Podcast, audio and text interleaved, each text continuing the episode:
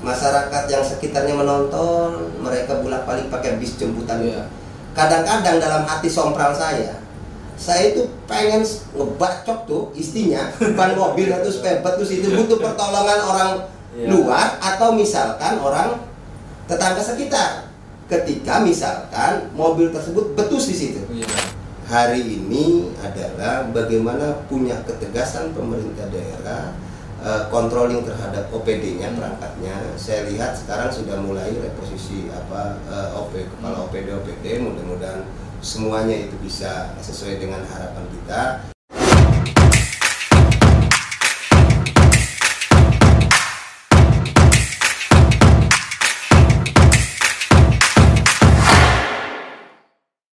Sobat Podcast Radar Banten bersama saya sudah ada Bapak Mas Duki SAG, anggota Komisi 2 DPRD Kota Cilegon. Beliau ini adalah mantan Ketua Pansus eh, Perda Penyelenggaraan Ketenagakerjaan di Kota Cilegon. Banyak hal menarik dibahas ketika eh, Perda ini digodok. Apa saja sih isi dari Perda ini? Kabarnya sih ini cukup membanggakan nih buat eh, warga Cilegon yang memang eh, punya skill dan ingin terserap di dunia industri. Seperti apa? Langsung saja kita sapa Bapak Mas Duki. Selamat pagi, Pak. Assalamualaikum. Pagi. Assalamualaikum warahmatullahi wabarakatuh. Boleh copot maskernya dong. Siap. Sudah divaksin, Pak? Beres. Beres. Sampai ketiga katanya. Cukup dua. Cukup dua ya. Tapi istri masih satu kan? Satu lah. Oh, masih satu. Takutnya gara-gara vaksin dua kali pengen nambah. Nambah. Iya iya iya. Saya manggilnya kayak enaknya Kang Mas Duki aja nih. Siap. Iya. Saya dengar dari beberapa media massa vokal nih lagi vokal kemarin sempat vokal membahas tentang perda penyelenggaraan ketenagakerjaan. Tapi sebelum itu dibahas, apa Siap. dulu sobat podcast Radar Banten Pak? Sobat Podcast Sahabat Banten, selamat pagi. Assalamualaikum warahmatullahi wabarakatuh. Terima kasih semuanya pemirsa. Mudah-mudahan eh, pada podcast kali ini saya bisa memberikan berbagi tentang apa yang kegiatan di Komisi 2 dan produk-produk hukum apa aja yang sedang dibahas. Kebetulan saya di sini di Komisi 2 sekaligus di di Perkomperda juga sebagai anggota Perkomperda makanya mengikuti regulasi-regulasi kebutuhan apa sih yang diinginkan Hmm. oleh masyarakat Kota Cilegon yang dibutuhkan supaya memang yang terbaru ini Ya. adalah terkait dengan persoalan bagaimana eh, supaya pengangguran di Kota Cilegon itu berkurang. Oke. Gitu. Pak Raperda penyelenggaraan ketenagakerjaan ini inisiatif dewan atau usulan dari pemerintah? Ini perda inisiatif dari Komisi 2, Hmm. usulan dari Komisi 2 karena melihat begitu besarnya eh, problematika di lapangan. Ya. Makanya kita mendorong supaya memang eh, tata kelola pengelolaan tenaga kerja ini supaya memiliki dampak positif Hmm. terhadap masyarakat Kota Cilegon. Oke. Gitu. Berarti efeknya mengurangi jumlah pengangguran dong di Kota Cilegon. Harusnya, Iya. harusnya karena hari ini keluh kesah dinas tenaga kerja itu kan sangat miris. Ketika mau melangkah seolah-olah kaku, Hmm. tidak ada payung hukumnya, tidak eh, sehingga investasi masuk ke kota Cilegon tapi tidak berbanding lurus dengan pengurangan pengangguran. Apa yang salah di sini? Dan peringkat kedua terbesar loh Pak, Lah, iya. seprovinsi Banten. Padahal Wah, kota industri, Kota industri lah ya. kota seribu dolar. Seribu kabarnya. dolar. Ada yang salah apa sih Pak? Misalkan ada pemerintah kurang peduli terhadap misalkan para lulusan-lulusan baru yang tidak terserap di dunia industri dan tidak memiliki skill. Nah ini diatur nggak di perda itu Pak? Ya, eh, jangan sampai Hmm. Sekarang kan di dinas tenaga kerja itu ada eh, program pelatihan, Ya. ada program eh, perselisihan perindustrian, Hmm. ya kan itu ada. Di sini kurang terkoneksi dengan Hmm. kebutuhan di, di, di lapangan.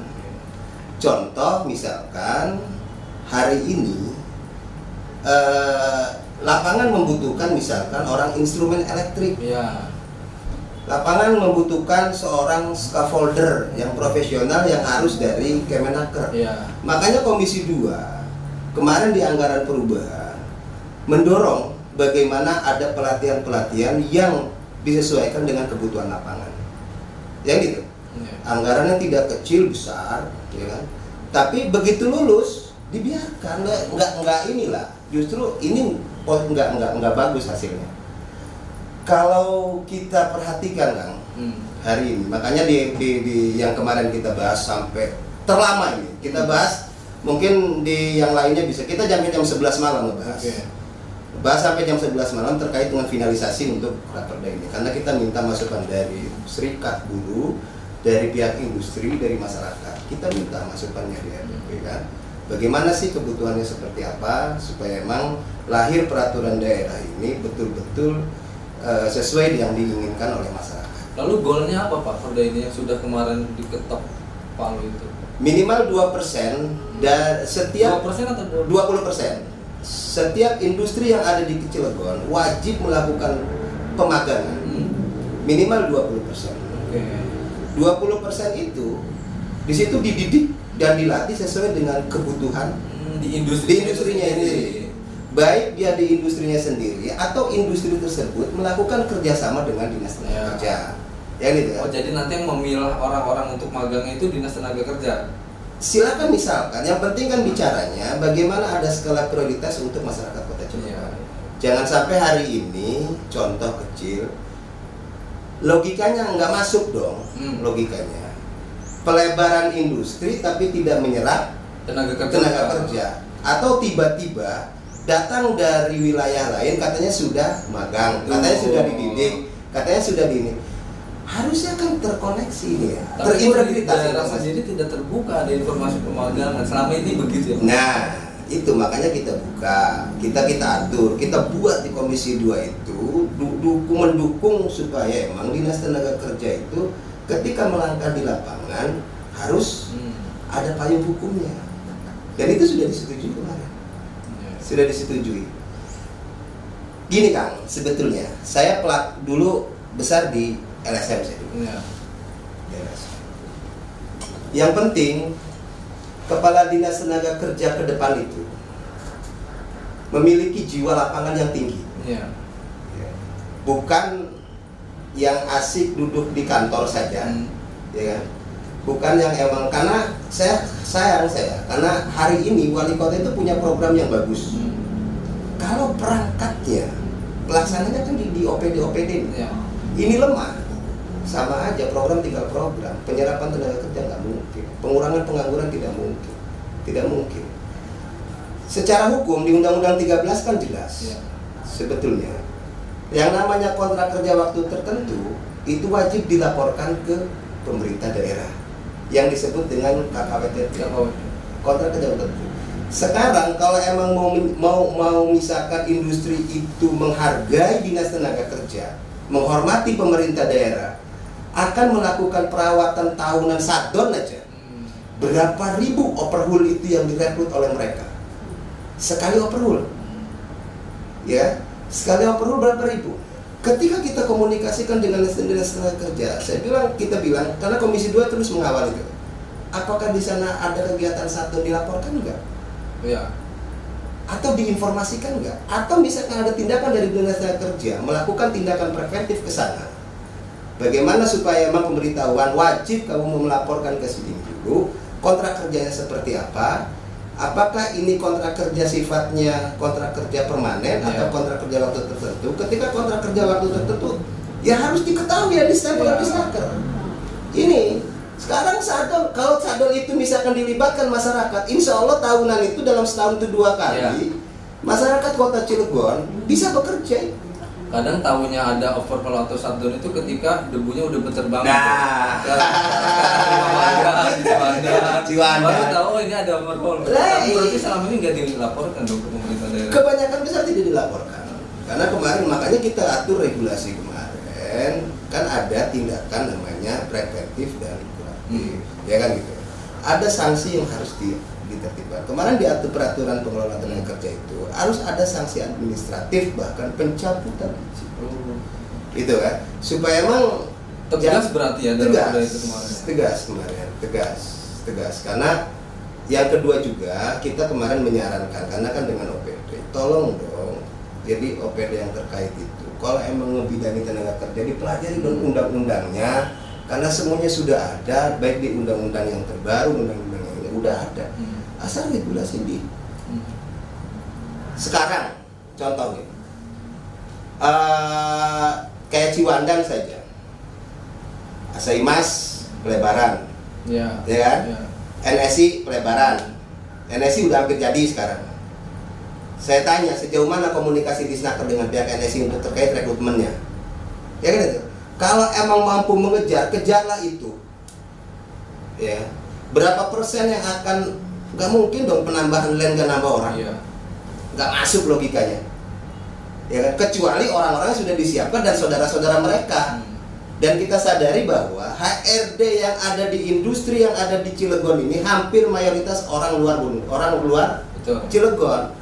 Bagaimana akan mendapatkan informasi masyarakat Cilegon kalau mereka membawa saudaranya, Hmm. tetangganya, kalau HRD manajer HRD-nya itu orang luar misalkan, ya kan minimal kan orang. Ini pernah terjadi ketika Krakatau Posko waktu Eh. mulai beroperasi, betul ya? Eh. Ramai lulusan dari kampus A lah ternama di luar sana. Tiba-tiba sudah magang di luar, bekerjanya di sini. Masyarakat kota Cilegon sendiri cuma gijal.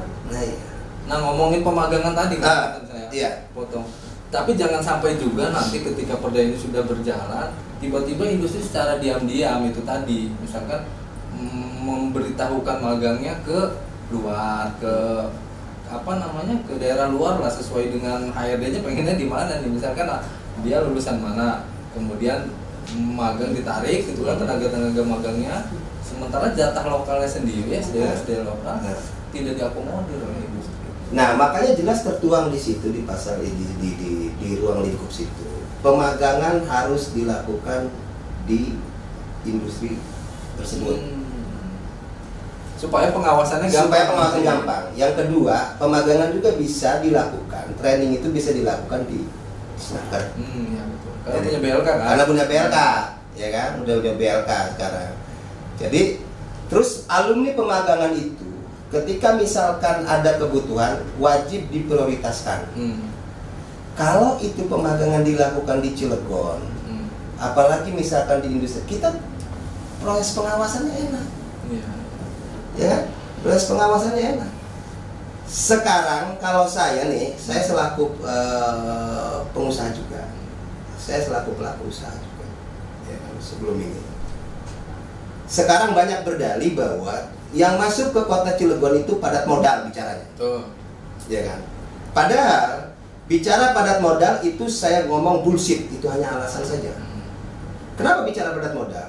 Karena di dalam itu, walaupun perusahaan itu padat modal, tapi di dalamnya itu banyak subkon-subkon yang untuk melakukan maintenance, Ya. kayak cleaning service, ya kan? Kayak kontraktor misalkan eh, office boy-nya, ya kan? Sekarang berapa persen yang subkontraktor itu yang dila- yang yang kontrak kerjanya dilaporkan ke Disnaker? Banyak. Bahkan terakhir hearing kita dengan IKPT ya, terakhir hearing di sini dengan IKPT. Kegiatan IKPT itu sudah bertahun-tahun dilakukan di di di wilayah Ciwandan. Dia tidak pernah melaporkan kontrak kerja waktu tertentunya kepada Disnaker kan. Berarti di sini kelemahan dinas tenaga kerja. Tidak harus kita hanya menyalahkan pihak industri. Makanya perlu seorang sosok yang Hmm. emang super power, Mampu mendobrak. mampu mendobrak itu, baik eh, kabit-kabitnya juga, ya kan gitu. Yang kedua, jangan main-main dengan persoalan mem- mempertaruhkan perselisihan di lapangan. Ya. Ya. Kenapa? Karena saya sering hari ini mengawal teman-teman yang berselisih di lapangan ke Disnaker. Karena saya tidak mau dinas tenaga kerja namanya buruk gara-gara ada Ya. oknum misalkan. DPRD juga nggak mau namanya buruk, makanya saya kawal karena kita punya tupoksi pengawasan. Tapi justru yang bikin miris itu selalu munculnya itu tadi kan Nah. perselisihan tenaga kerja. Nah. Selalu itu, tapi tidak pernah disnaker misalkan prestasi mengawal perda ini misalkan Hmm. ya kan. Ini kan sesuatu yang bagus nih perda ini yang diinisiasi dari Dewan Komisi dua. Komisi 2 DPRD Kota Cilegon. Nah, harusnya disnaker juga punya dong usulan sendiri gitu bagaimana Iya. menciptakan ketenaga kerjaan yang baik Hmm. dalam kaitannya kerjasama dengan industri bukan Ah, gitu ya Iya. Yang yang yang yang sekarang nih, Hmm. Kang nih. Contoh yang hari ini mau menghadapi kita bicara Ciwandan lah. Menghadapi CAP2 Hmm. yang konon katanya investasinya besar. Gitu. Sejauh mana pemerintah daerah membangun komunikasi dengan Menkon di sana? Ini tidak Chandra aslinya Menkon. iya Ya kan gitu. Kalau misalkan regulasi ini ditempuh, ini yakin begitu mereka masuk paling tidak skala prioritas.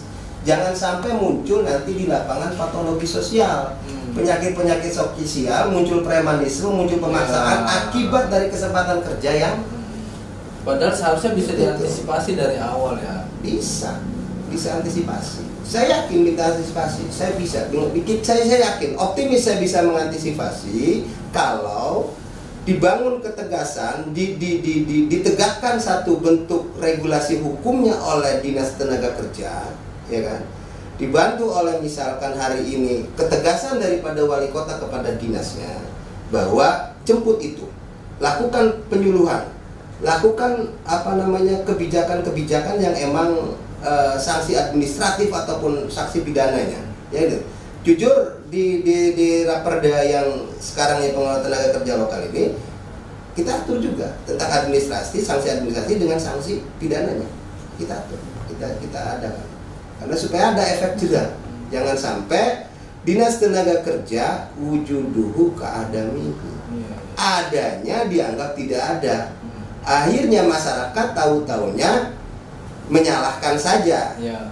ya menyalahkan saja. Buat apa hadir industri ke kota Cilegon kalau tidak berbanding lurus dengan konteks penyerapan tenaga kerja yang ada di pengangguran yang ada di kota Cilegon? berarti desakan-desakan itu sudah disampaikan ke ke apa namanya disampaikan ke Sudah. Cilegon. bagaimana yang tadi jangan sampai berbalutnya padat modal tapi ternyata di dalamnya banyak sekali pekerjaan di sana nah ini sudah ditekankan ke disnaker maksud saya hal itu Sudah, sudah kita, kita, kita kasih Hmm. tahu. Contoh misalkan kita bicara Asahimas. ya Kalau bicara Asahimas, ya betul karyawan Asahimasnya sedikit, hmm. tapi di dalam Asahimas itu banyak kontraktor-kontraktornya yang sifatnya kontrak kerja waktu tertentu periodiknya Ya. setahunan. Untuk maintenance contohnya, misalkan yang bersifatnya tidak tidak pro- eh, produksi yang tidak berter- mereka ada subkontraktornya di dalam Asahimas itu ada PT Sankyu, Ya. PT ini, Angkutannya PT angkutannya ini.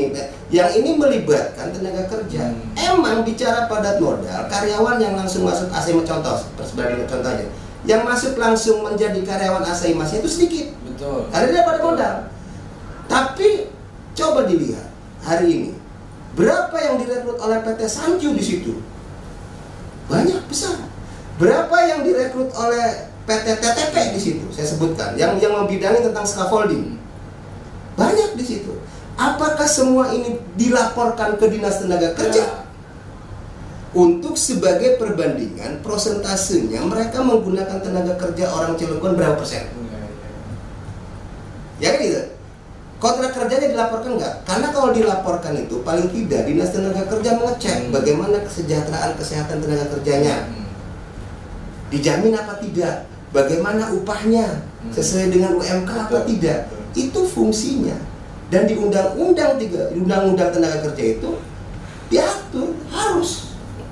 Berarti sebenarnya visi dari Kang Mas Duki mah hanya meminta sebenarnya tidak tidak meng, tidak mengang, mengganggu padat modalnya, tapi Tidak. pekerja pekerjaan yang ada di dalamnya serahkanlah ke masyarakat Cilegon. Betul. Terbukalah terhadap dinas tenaga kerja Iya. Kota Cilegon agar ke depan pengangguran di Cilegon berkurang seperti itu sebenarnya. Iya. Tujuannya.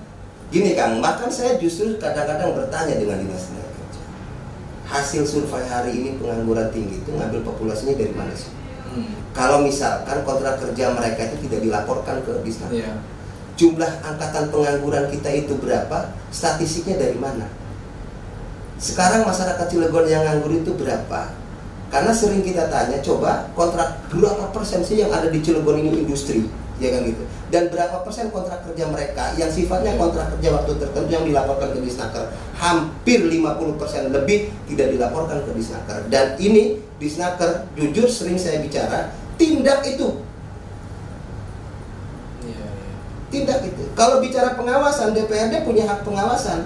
Bergandeng dengan DPRD sama Komisi 2 makanya kita sering dengan dengan kita kerja ayo mau Kalau untuk di Kota Cilegon laporkan ke Disnaker Provinsi ya kan? Oh, lah.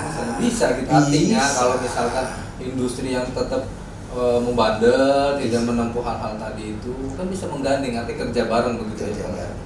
miris kang sekarang miris lah tenaga kerja di Cilegon itu miris bahkan bicara eh, apa namanya bicara sektoral saja masyarakat yang sekitarnya menonton mereka bolak balik pakai bis jemputan Iya. kadang-kadang dalam hati sompral saya saya itu pengen ngebacok tuh istrinya ban mobil atau spare terus itu butuh pertolongan orang Iya. luar atau misalkan orang tetangga sekitar ketika misalkan mobil tersebut betus di situ. Yang dicari kan orang sekitar kan tolong sih kan cariin tambal ban. Jadi Iya. analoginya seperti itulah ya Iya. industri keberadaannya ya masyarakat sekitar nih masyarakat ya. sekitar sekitar gitu gitu Kang, balik lagi ke perda tadi ya. Iya. Kapan ini bisa mulai berjalan maksimal? Kemudian apa yang dilakukan DPRD Cilegon misalkan sosialisasi kah, kemudian menggandeng masyarakat supaya tahu nih ada loh alokasi 20% magang di industri. Ya, eh, kemarin dalam proses finalisasi kita pun melakukan RWU dengan Hmm. eh, apa namanya masyarakat dan industri kelompok-kelompok itu kita undang Hmm. segmen-segmen itu kita undang supaya sekaligus bersosialisasi. Dan finalisasi kemarin sudah dan persetujuan kemarin juga sudah tinggal proses eh, koreksi dari provinsi ya kan? Kota. Dan kalau emang dibutuhkan juga itu kurang lengkap juga. Kita juga mendorong dari komisi 2 selaku lakukan aja apa ada ada perwal atau apa. Hmm. kan gitu kan? Betul, yang ya, turunannya betul, gitu ya. perwal. perwal turunannya kalau emang ini diatur perda ini kan mengatur tentang secara globalnya. Hmm. kalau misalkan butuh turunannya dilakukan. Karena harus fokus ke bicaranya hari ini bagaimana mengurangi pengangguran di kota Cilegon.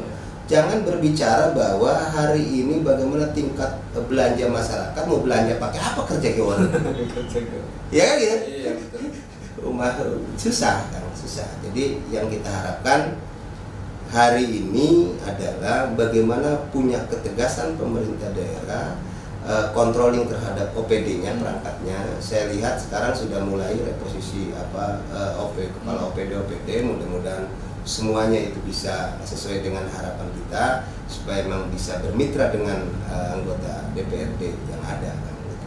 Baik, terima kasih sobat podcast Radar Banten. Itu tadi obrolan yang menarik sebenarnya. Kita tinggal nunggu saja bagaimana perda ini mampu maksimal dilaksanakan atau justru harapan dewan tadi pemerintah Kota Cilegon buat dong turunannya berupa perwal atau hal-hal teknis yang mengatur tentang eh, penyelenggaraan perda itu tadi. Mudah-mudahan perda ini bisa maksimal. Kang Mas Duki terus melakukan kontrol yang Amin. luar biasa menurut Siap. saya ini Kang. Siap. Mudah-mudahan mampu membawa perubahan persoalan ketenaga kerjaan di Kota Cilegon. Terima kasih di ujung perjumpaan kita, obrolan kita. Jangan lupa sobat podcast Radar Banten.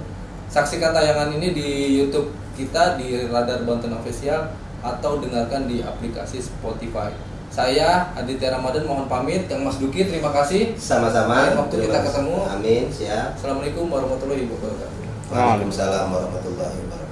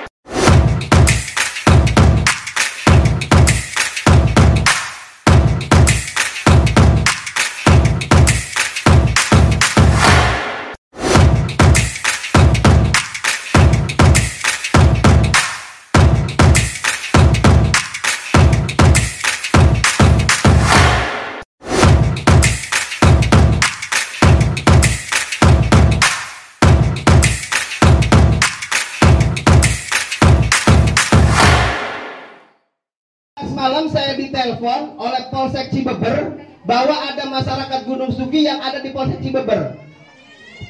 Ya. Lamun ingat pemilu Sumeh. Ya. Lamun ingat pemilu Sumeh. Tapi karena ini adalah bicaranya masyarakat Gunung Sugi, makanya diviralkan di video itu. Masyarakat Gunung Sugi, maka yang dicari adalah Dewan Gunung Sugi. Bagaimana mampu menyelesaikan itu sampai jam 2 malam kita di sana. Bukan hanya fisik saya berkorban, materi pun berkorban, tapi demi masyarakat Gunung Sugi siap. Ya, Mungkin ibu-ibu di sini juga masalah pemilu kemarin milih siapa milih siapa wis orang mikirin pun. Si penting saya kira adalah warga kita, warga Gunung Sugi. Menawar 2024 mah bisa kepikiran lah. ya, tidak harus saya berbicara. Intinya hari ini vaksinasi yang hari ini vaksinasi pertama tanggal 18 ya Bu ya. Vaksinasi kedua. Tanggal berapa Bu? 18 ya? 18 November nanti vaksinasi kedua. Di sini juga, ibu tinggal datang aja nanti ke sini. Insya Allah lebih tertib karena ini vaksinasi pertama. Kita pun belum berpengalaman. Mohon maaf dari dinas kesehatan, ini ya. Mohon maaf. Vaksinasi kedua kita akan lebih tertib lagi. Bagaimana kita menyiapkan peralatan-peralatannya? Ya wajar lah pertama, mah. Wong malam pertama kan dia bingung. Siapa sih malam pertamanya lihai? Musule. Bingung kan? Deg-degan, gemeteran. Musule lihai mah. Nah, itu maksud saya. Insya Allah vaksin kedua akan lebih tertib lagi. Saya janji akan lebih tertib lagi dan akan lebih tertata lagi karena vaksin pertama ini pengalaman pertama bagi tim panitia. Allah nanti ke depan akan lebih tertib. Itu. Sekali lagi saya mohon tertib semuanya. Dan sekarang tidak harus ada lagi di Gunung Sugi Iki pendukung Mas Duki, Iki pendukung siapa tidak ada. Semuanya adalah warga Gunung Sugi dan semuanya adalah warga saya. Ya. Apa pun problematikanya, apa pun masalahnya, selagi kita bisa diskusikan, ayo diskusi bareng. Saya sampaikan kepada masyarakat Gunung Sugi, hari ini saya jadi pimpinan pansus tentang perlindungan tenaga kerja lokal. Saya ketua pansusnya. Makanya pengangguran yang ada di Gunung Sugi ini ya mohon maaf belum terserap semuanya tapi akan kita atur di pemerintah kota Cilegon melalui melalui DPRD nanti hak legislasinya akan diatur bagaimana kuota rekrutmen tenaga kerja. Insya Allah saya ketua pansusnya beberapa minggu ke depan industri yang ada di sekitar Cilegon akan kita panggil bagaimana regulasi yang baik. Jangan sampai masuk investasi ke kota Cilegon ya. Tapi masyarakatnya nonton seperti hari ini Gunung Sugi.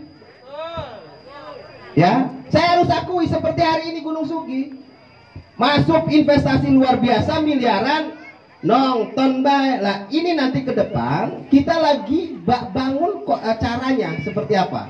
Makanya pembahasan-pembahasannya dan kebetulan saya ketua pansusnya mudah-mudahan diberikan kesehatan, diberikan uh, apa namanya uh, terobosan-terobosan yang bagus dan menghasilkan peraturan daerah yang sesuai dengan permintaan daripada masyarakat.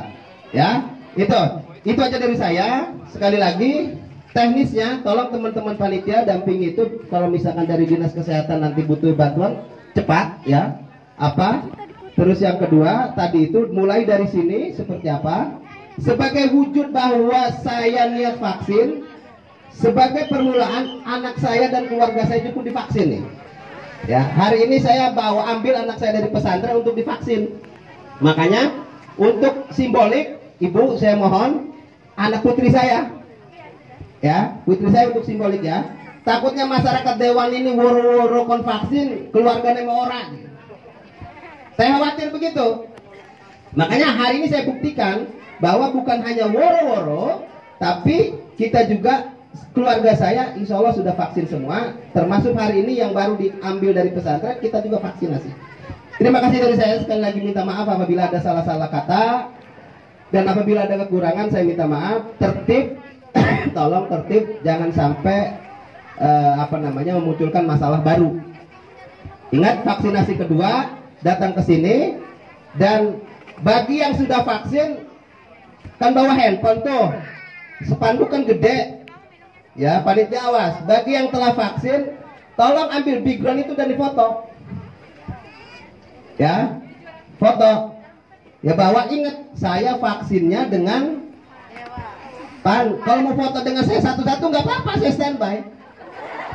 Ya, setelah vaksin, tet, ambil figron itu, foto di situ, silakan. Nanti ada susu dari panitia. Oke, siap?